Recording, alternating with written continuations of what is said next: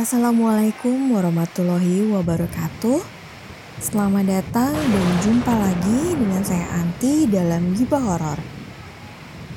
Saya ucapkan terima kasih buat teman-teman yang menyempatkan diri untuk mampir dan mendengarkan cerita ini. Saya doakan di mana pun kalian berada, semoga selalu diberikan kesehatan, terlebih di masa corona sekarang ini. Sebelum mulai mendengarkan ceritanya, ada baiknya teman-teman sekalian mencari tempat dan posisi yang nyaman. Pada episode Gibah Horor kali ini, saya akan menceritakan kembali kisah tentang supir bus yang melintasi jalan di lintas Sumatera saat malam hari. Bagaimanakah ceritanya? Mari kita dengarkan bersama-sama.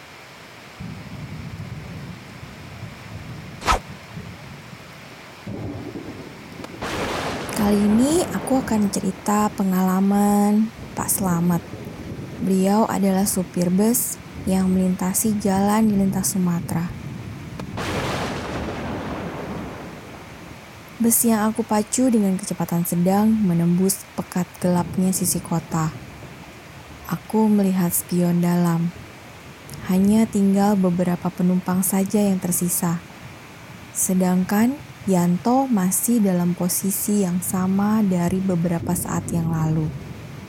Berdiri diam di samping pintu keluar bagian depan. Lampu di dalam bis kami biarkan dalam keadaan mati. Memang biasanya seperti itu. Keadaan jadi gelap dan hanya kilatan cahaya dari luar yang membantu penerangan. Jalur lintas Sumatera ini memang menjadi jalur yang sudah kami arungi selama hampir lima tahun terakhir. Tapi walaupun begitu, aku tetap saja merasakan sedikit was-was setiap kali melintasi banyak bagiannya. Memang beberapa kota besar dan kecil kami lewati dalam perjalanan. Namun, hutan lebat belantara menjadi porsi pemandangan lebih banyak dengan kondisi jalan berkelok, menanjak, menurun, dan membelah gunung. Tombol klakson aku tekan sebanyak tiga kali. Ketika beberapa belas meter di depan terlihat jembatan yang berdiri kokoh di atas sungai yang besar. Kenapa harus begitu? Kenapa harus menekan klakson ketika akan melintasi jembatan? Sebagai supir bis malam, itu sudah menjadi suatu hal yang harus kami lakukan. Artinya, kami mengucap permisi. Permisi kepada siapa? Konon katanya, setiap jembatan ada penunggunya. Kita sebagai tamu harus bersopan santun dengan si penunggu jembatan. Aku sih percaya-percaya saja. Intinya aku nggak mau kalau nantinya akan terjadi apa-apa kalau sampai nggak mengizinkan klakson. Tapi akhirnya lama-kelamaan menekan tombol klakson menjadi suatu keharusan. Karena beberapa kali aku dan Yanto melihat serta mengalami kejadian ketika kami sedang melintasi salah satu jembatan besar di perjalanan. Pada suatu malam di pertengahan tahun 1996. Ngantuk kamu toh? Tanyaku kepada Yanto yang berdiri di samping pintu depan. Enggak bang, tadi kan sudah minum kopi. Abang ngantuk nggak? Mau gantian? Jawabnya diakhiri dengan pertanyaan. Aman toh, bisa lihat Monas ini mata. Jawabku sambil terbahak. Beberapa menit lagi jam 12 tengah malam. Beberapa jam yang lalu, kami baru saja meninggalkan kota Jambi menuju kota Medan seperti biasanya. Seperti biasanya juga di kota Jambi, tadi kami beristirahat cukup lama. Aku memarkirkan bus di restoran yang sudah jadi langganan, memberikan kesempatan bagi penumpang untuk sekedar meluruskan badan, beristirahat, dan makan malam tentunya. Ini juga menjadi kesempatan aku dan Yanto untuk beristirahat. melepas penat yang ada hasil dari perjalanan panjang sebelumnya. Singkatnya, sekitar jam 9 istirahat selesai, lalu kami melanjutkan perjalanan. Kali ini penumpang tergolong sedikit, hanya setengah dari seluruh kursi yang terisi sejak dari Jakarta kemarin.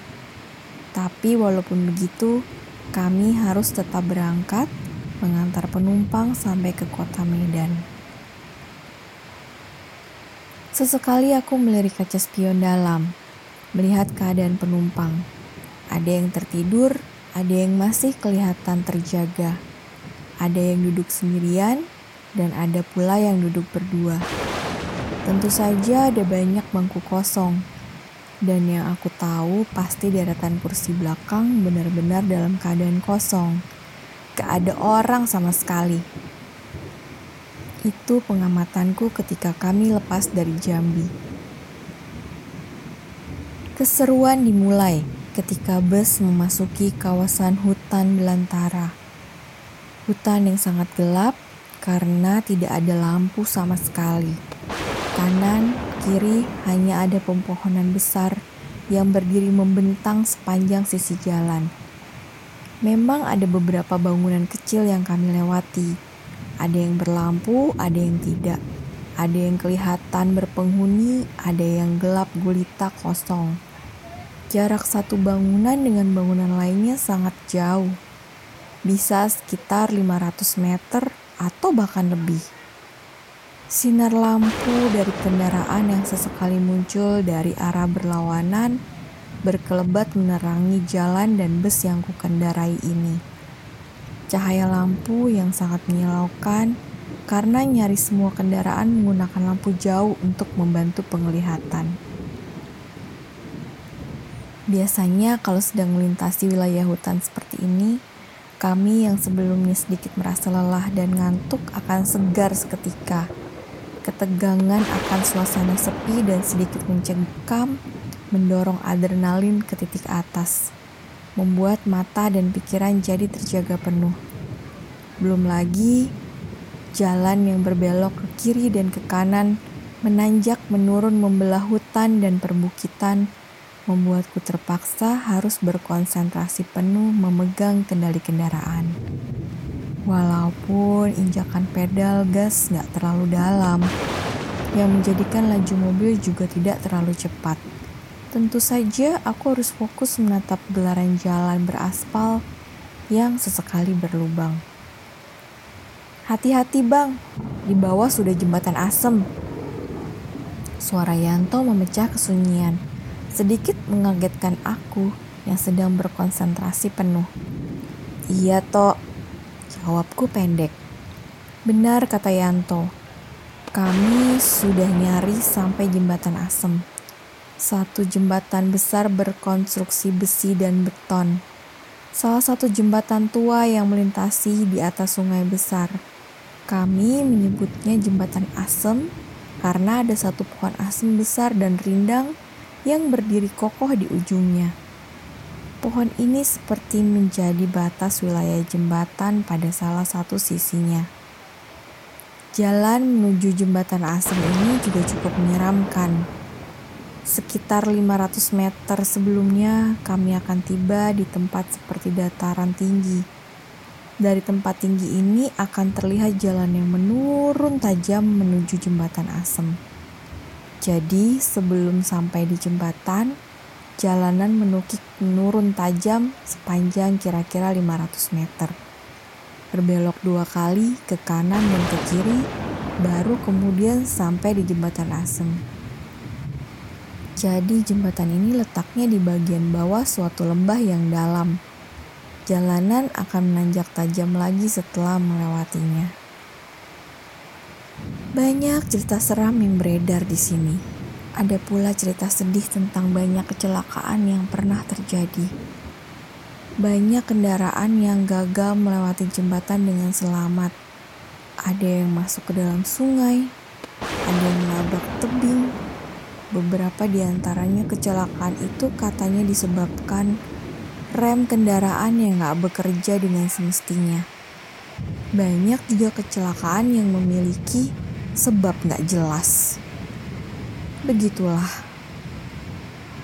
Dalam kermangan cahaya, aku berkonsentrasi penuh untuk menuruni jalan, menurun menukik tajam. Di kanan kirinya banyak pohon besar dan rindang, berdiri kokoh menakutkan seperti hendak berbicara dalam diam.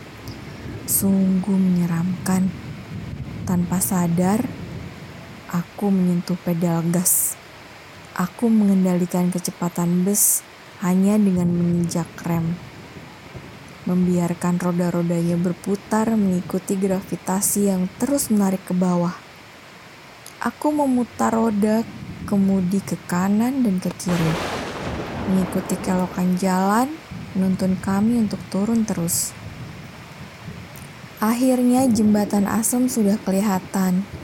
Hanya tinggal beberapa belas meter di hadapan.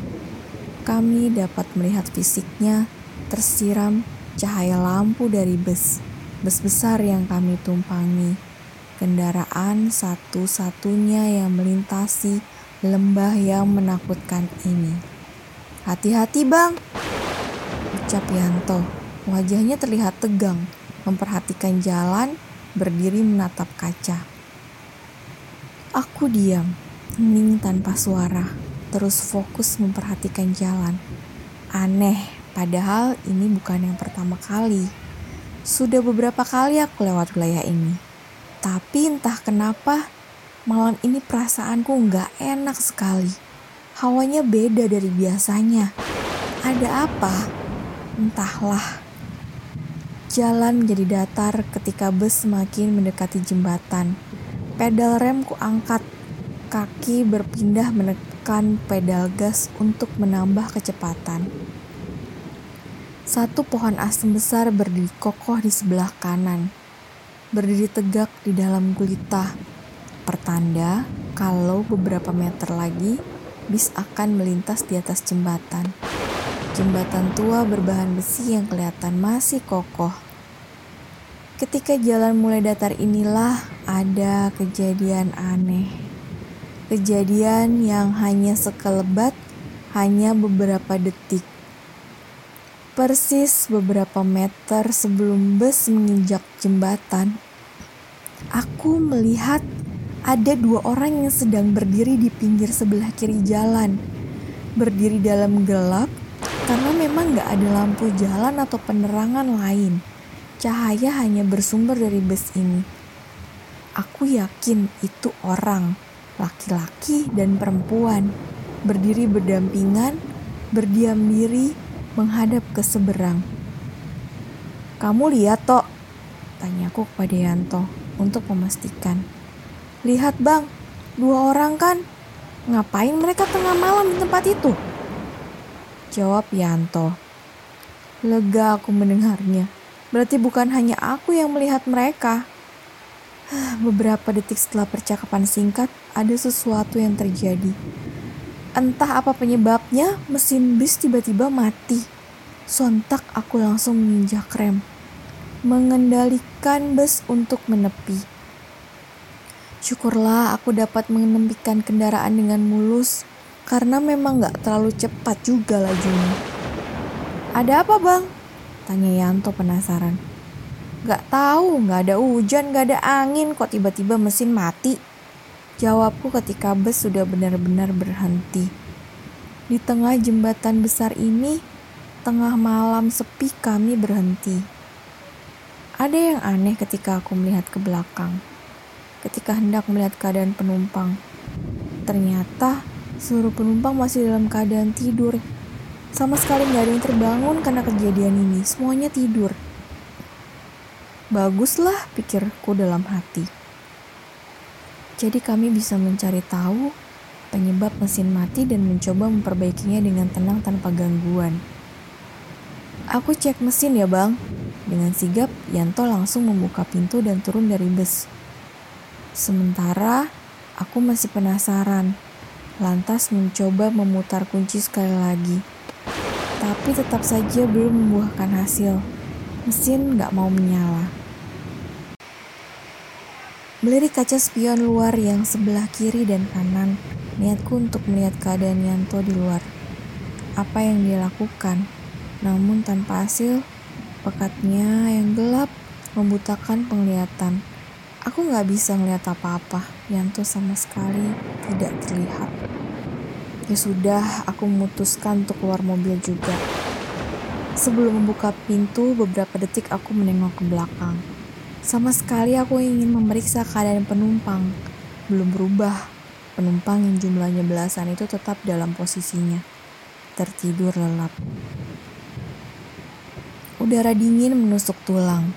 Angin bergerak menampar pelan wajah dan tubuh ketika kaki sudah menginjak aspal kasar di jalanan luar. Perlahan, aku menutup pintu, menghindari suara gaduh yang membangunkan. Di tengah malam ini, sama sekali nggak ada kendaraan selain kami. Sama sekali nggak ada kendaraan yang melintas di jalan ini, di jembatan ini. Langkah kakiku yang sedang berjalan menuju belakang bus menjadi suara satu-satunya yang terdengar. Sepi, hening. Akhirnya aku sampai di belakang bis, tempat di mana mesin mobil berada. Aku melihat pintu mesin dalam keadaan terbuka, tapi nggak ada Yanto. Ke mana Yanto? Kok nggak kelihatan? Saat itulah aku lantas melihat sekeliling mencari keberadaannya. Gak lama, terlihat ada kilatan lampu senter di belakang. Beberapa belas meter di belakang bus. Aku yakin kalau yang memegang lampu senter itu adalah Yanto, karena nggak ada siapa-siapa lagi. Benar itu Yanto, walaupun dalam posisi membelakangi, aku bisa mengenali dari postur dan cara berjalannya. Tok, mau ke mana? Setengah berteriak aku memanggil. Jarak kami sekitar 30 meter. Yanto sepertinya sudah hampir sampai di ujung jembatan. Ujung awal tempat kami masuk tadi. Dia sudah sangat dekat dengan dua orang yang sedang berdiri di pinggir jalan, dibantu kilatan sinar lampu senter dan serpihan cahaya langit. Aku juga dapat melihat mereka sekilas. Iya, dua orang yang kami lihat tadi sesaat sebelum melintas jembatan. Ternyata mereka masih berdiri di tempat mereka itu, diam, tapi nggak lagi menghadap ke seberang jalan Kali ini mereka menghadap Yanto ke arah kami. Mendengar teriakanku, Yanto menghentikan langkahnya. Jemput penumpang, Bang! Begitu jawabnya, dengan setengah berteriak juga. Saat itu, tiba-tiba perasaanku sangat gak enak. Di tengah malam, di tengah hutan, gak ada rumah apalagi perkampungan Kok bisa ada orang yang berdiri di pinggir jalan? Perasaanku sangat gak enak. Bergegas aku berlari kecil mendekat ke tempat Yanto berdiri. Sudah tok, gak usah kau dekatin mereka. Ayo kembali ke bus saja. Kita coba memperbaiki mesinnya. Ucapku ketika sudah berada di hadapan Yanto. Iya bang, sepertinya dia mengerti gelagatku. Lalu kami berjalan menuju ke arah bus. Sesampainya di belakang bus, Yanto mulai memeriksa mesin, mencari tahu penyebab kenapa tiba-tiba mogok. Sementara aku memegang lampu senter, mengarahkan cahayanya ke mana Yanto mau. Sekitar 10 menit sudah berlalu. Kayaknya nggak ada yang rusak bang, semuanya bagus. Kenapa ya? Begitu kata Yanto dengan mimik kebingungan. Aku coba menyalakan lagi saja ya, siapa tahu sudah bisa. Aku bilang begitu. Tapi sebelum melangkahkan kaki ke depan ke ruang kemudi, rasa penasaran memaksa aku mengarahkan lampu senter ke tempat di mana dua orang misterius tadi berada. Dua orang yang tadinya akan dijemput Yanto. Dua orang yang berdiri di ujung jembatan. Memicingkan mata, untuk memperjelas penglihatan menembus gelap. Kami melihat kalau ternyata mereka sudah nggak ada di tempatnya lagi. Menghilang. Aku dan Yanto saling berpandangan. Tanpa bicara, tapi kami tahu apa yang ada di dalam pikiran masing-masing. Kamu tunggu di sini, aku ke depan menyalakan mesin. Kalau mesin menyala, kamu langsung ke depan. Yanto mengangguk. Setelah duduk di atas kursi pengemudi, aku langsung memutar anak kunci. Greng! Mesin menyala tanpa kendala, menyala normal seperti sedia kala. Senang sekali dan lega hati ini. Gak lama kemudian Yanto masuk ke dalam bus. Segeralah aku menginjak pedal gas menjalankan kendaraan melintasi jembatan, melewati dan meninggalkannya tanpa halangan. Setelah jembatan, jalanan kembali menanjak agak tinggi, menikung cukup tajam ke kanan dan ke kiri. Gelap masih menyelimuti.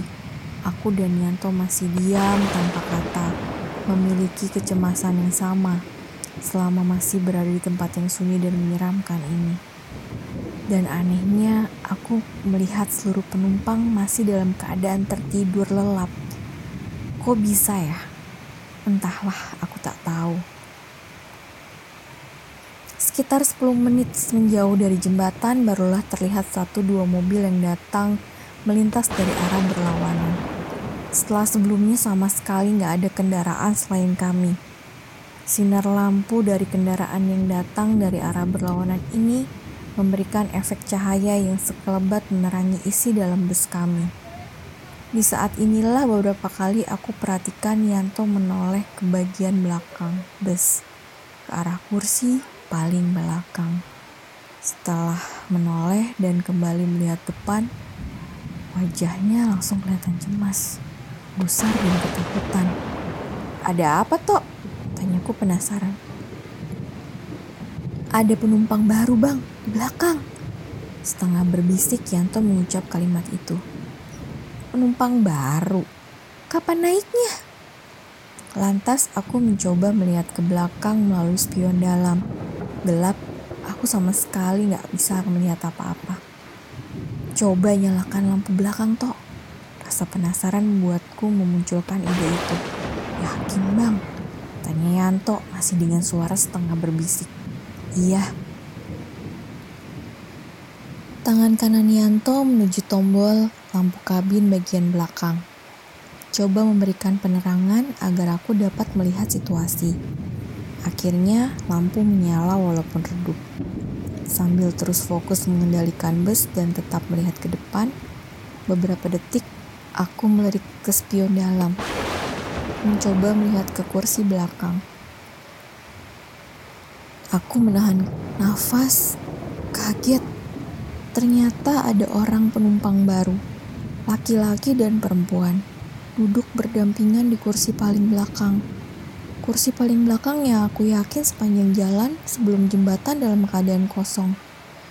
Aku sangat yakin dua orang penumpang baru itu duduk tegap menghadap ke depan, terjaga karena matanya terbuka gak dalam keadaan tidur seperti penumpang lainnya. Dari penampilannya mereka sangat mirip dengan dua orang yang kami lihat berdiri di pinggir jalan sebelum jembatan tadi. Amat sangat mirip. Jantungku berdegup kencang, menyadari kalau mereka bukan penumpang biasa. Matikan lampunya, Tok, ucapku pelan. Kemudian Yanto menekan tombolnya, Kemudian keadaan kembali seperti semula, gelap gulita. Di sisa perjalanan kami, gak berbicara satu sama lain, tertelan keningan mencekam. Aku juga gak berani melirik kaca spion. 30 menit kemudian di kanan kiri sudah terlihat beberapa rumah penduduk. Sepertinya sebentar lagi kami akan memasuki kota kecil. Pak, kalau ada pom bensin berhenti dulu ya, saya harus ke toilet. Suara dari belakang memecah kesunyian. Iya pak, jawabku kemudian. Kebetulan aku sudah hafal sekali kalau kira-kira beberapa kilometer di depan memang ada pom bensin. Rencananya aku akan sekalian mengisi solar di sana. Singkat cerita, akhirnya kami sampai di pom bensin. Setelah bus sudah terparkir, beberapa penumpang langsung bangun dari tidurnya dan turun bus. Yanto menyalakan seluruh lampu dalam kabin menjadi terang. Refleks kami langsung melihat ke arah kursi belakang. Ternyata penumpang baru itu sudah nggak ada di tempatnya, menghilang. Begitulah satu peristiwa yang dialami oleh Pas Slamet di jalan lintas Sumatera.